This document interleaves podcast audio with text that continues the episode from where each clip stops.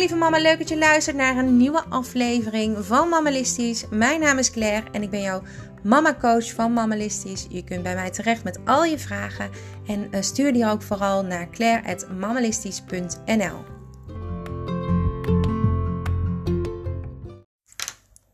Hey lieve mama, leuk dat je luistert naar een nieuwe aflevering van Mammalistisch. Mijn naam is Claire en ik ben hier natuurlijk speciaal voor jou. En ik heb het vandaag met jou over me-time, zelfzorg. Een heel belangrijk onderdeel van jouw moederschap. Ik heb een onderzoek gelezen waarin stond dat 78% van de moeders de, hun eigen gezondheid achter die van hun kinderen en heel veel anderen zet. Ik zeg niet doen. En de meeste ouders zullen je vast wel eens verteld hebben over hoe ze die eerste dagen van het ouderschap hebben doorgemaakt. En ook jij hebt daar ervaring mee. Je bent daarin meestal in afzondering, onzeker, weinig slaap, constant dat gevoel: doe ik het wel goed? Angst, stress, een vast dieet van afhaalmaaltijden en stoofschotels of lasagnes uit de oven. Het maakt niet uit. Het enige wat er die eerste weken toe doet, is de gezondheid van die kleine. Maar ik ben hier natuurlijk om je uit ervaring te vertellen, dat is niet vol te houden. Op de een of andere manier is het de eerste les die elke ouder op de harde manier moet leren. Het is gewoon zo gemakkelijk om het patroon van die eerste dagen als ouder gewoon door te zetten. Altijd maar de gezondheid van die kleine voorop zetten, wat logisch is, want jouw kleine kan dat zelf niet regelen. Eerst komt jouw kind en dan kom jij. Je eet als je kind slaapt. En dat door de kraamverzorging voorgeschreven middagdutje, dat sla je lekker over, want je moet nog wel wat dingen doen. En nadat de kinderen zijn verzorgd en in bed liggen, heb je eigenlijk alleen nog maar even de tijd om wat te eten. Wat vaak dus wat makkelijks is. En dan ben je echt te moe om nog wat te gaan doen.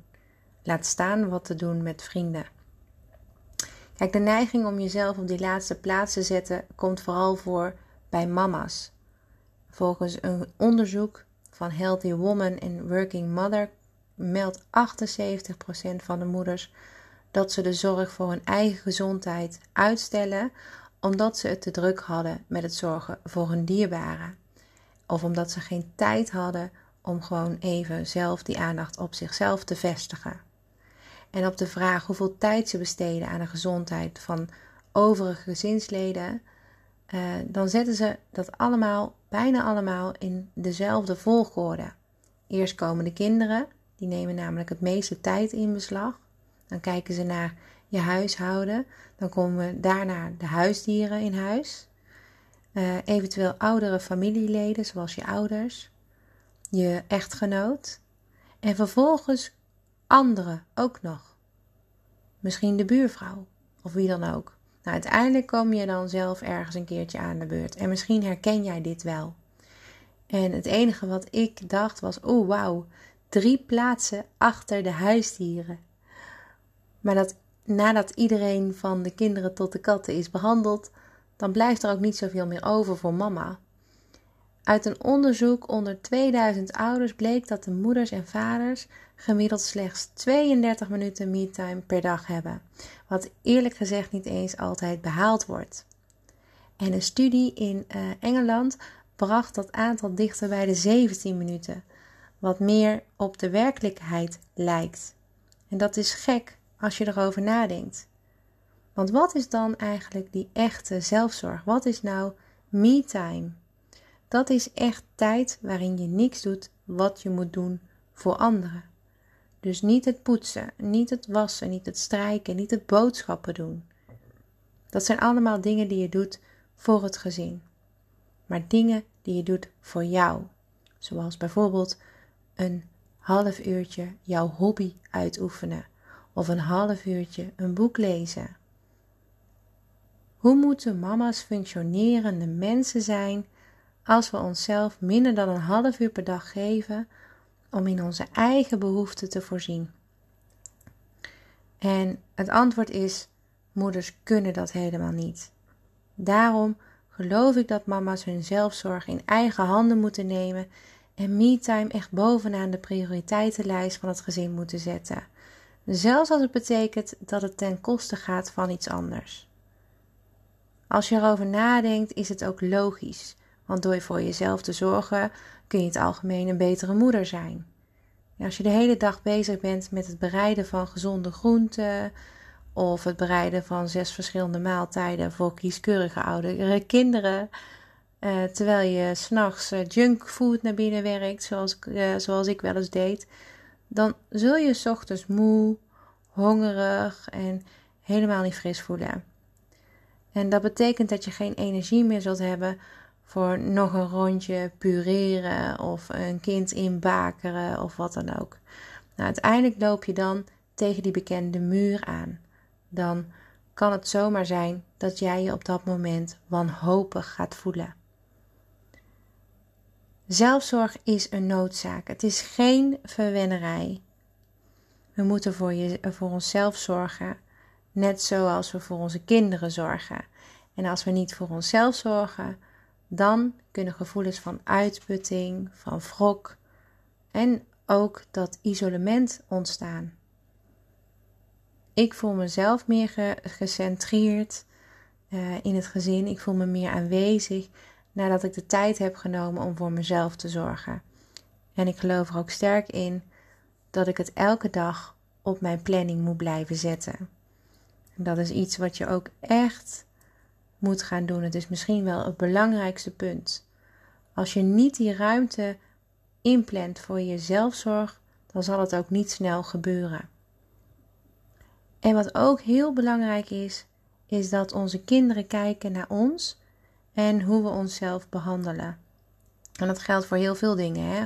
Hoe je tegen jezelf praat, hoe je met je lichaam omgaat, hoe je uh, van je tijd kan genieten. Het goed vormgeven aan gezonde zelfzorg, aan die heerlijke me-time, dat kan zeker nuttig zijn voor jouw kinderen om te zien. En uh, je leert ze dan dat voor jezelf zorgen net zo normaal en net zo belangrijk is als voor je gezin zorgen. Ik wil bijvoorbeeld geen dochter opvoeden die zichzelf op de laatste plaats zet en die niet gelooft dat ze haar eigen ik-tijd verdient. Ik wil dat ze er doodgewoon vanuit gaat dat ze recht heeft op tijd om door te brengen zoals zij dat wil. En de kans is groot dat als ik mijn manier van doen niet had veranderd, ze op een gegeven moment mijn wanhopige zoektocht naar wat rust in huis in mijn hoofd had opgemerkt. En dat zou net zoveel indruk op haar hebben gemaakt als mijn aandringen dat ze goed voor zichzelf moet zorgen. En wil je nu goed voor jezelf zorgen, dan heb je gewoon die belangrijke basis nodig. En die basis geef ik alle mama's mee met mijn um, mammalistische manier van leven. En dat is eigenlijk precies waarom ik mammalistisch heb opgezet. Nou, binnenkort weer veel meer hierover. Deze week staat in het teken uh, ja, van zelfzorg, van het goed zorgen voor jezelf. Vandaag heb je daar deel 1 van mogen luisteren. Donderdag deel 2. En natuurlijk kun je me online op uh, claire.mammalistisch en mammalistisch.nl volgen uh, op socials. En natuurlijk zal ik daar alle tips en misschien zelfs ook leuke trucjes met je delen. Voor nu een hele fijne dag. Bedankt voor het luisteren en tot de volgende keer.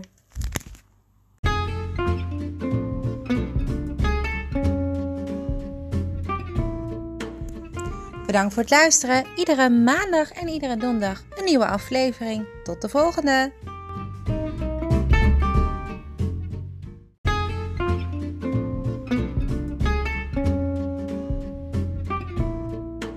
Wil je me volgen op Insta? Dat is claire.mammalistisch of mammalistisch. En dan kom je bij mijn Insta-pagina uit, waar ik absoluut veel meer volgers kan gebruiken.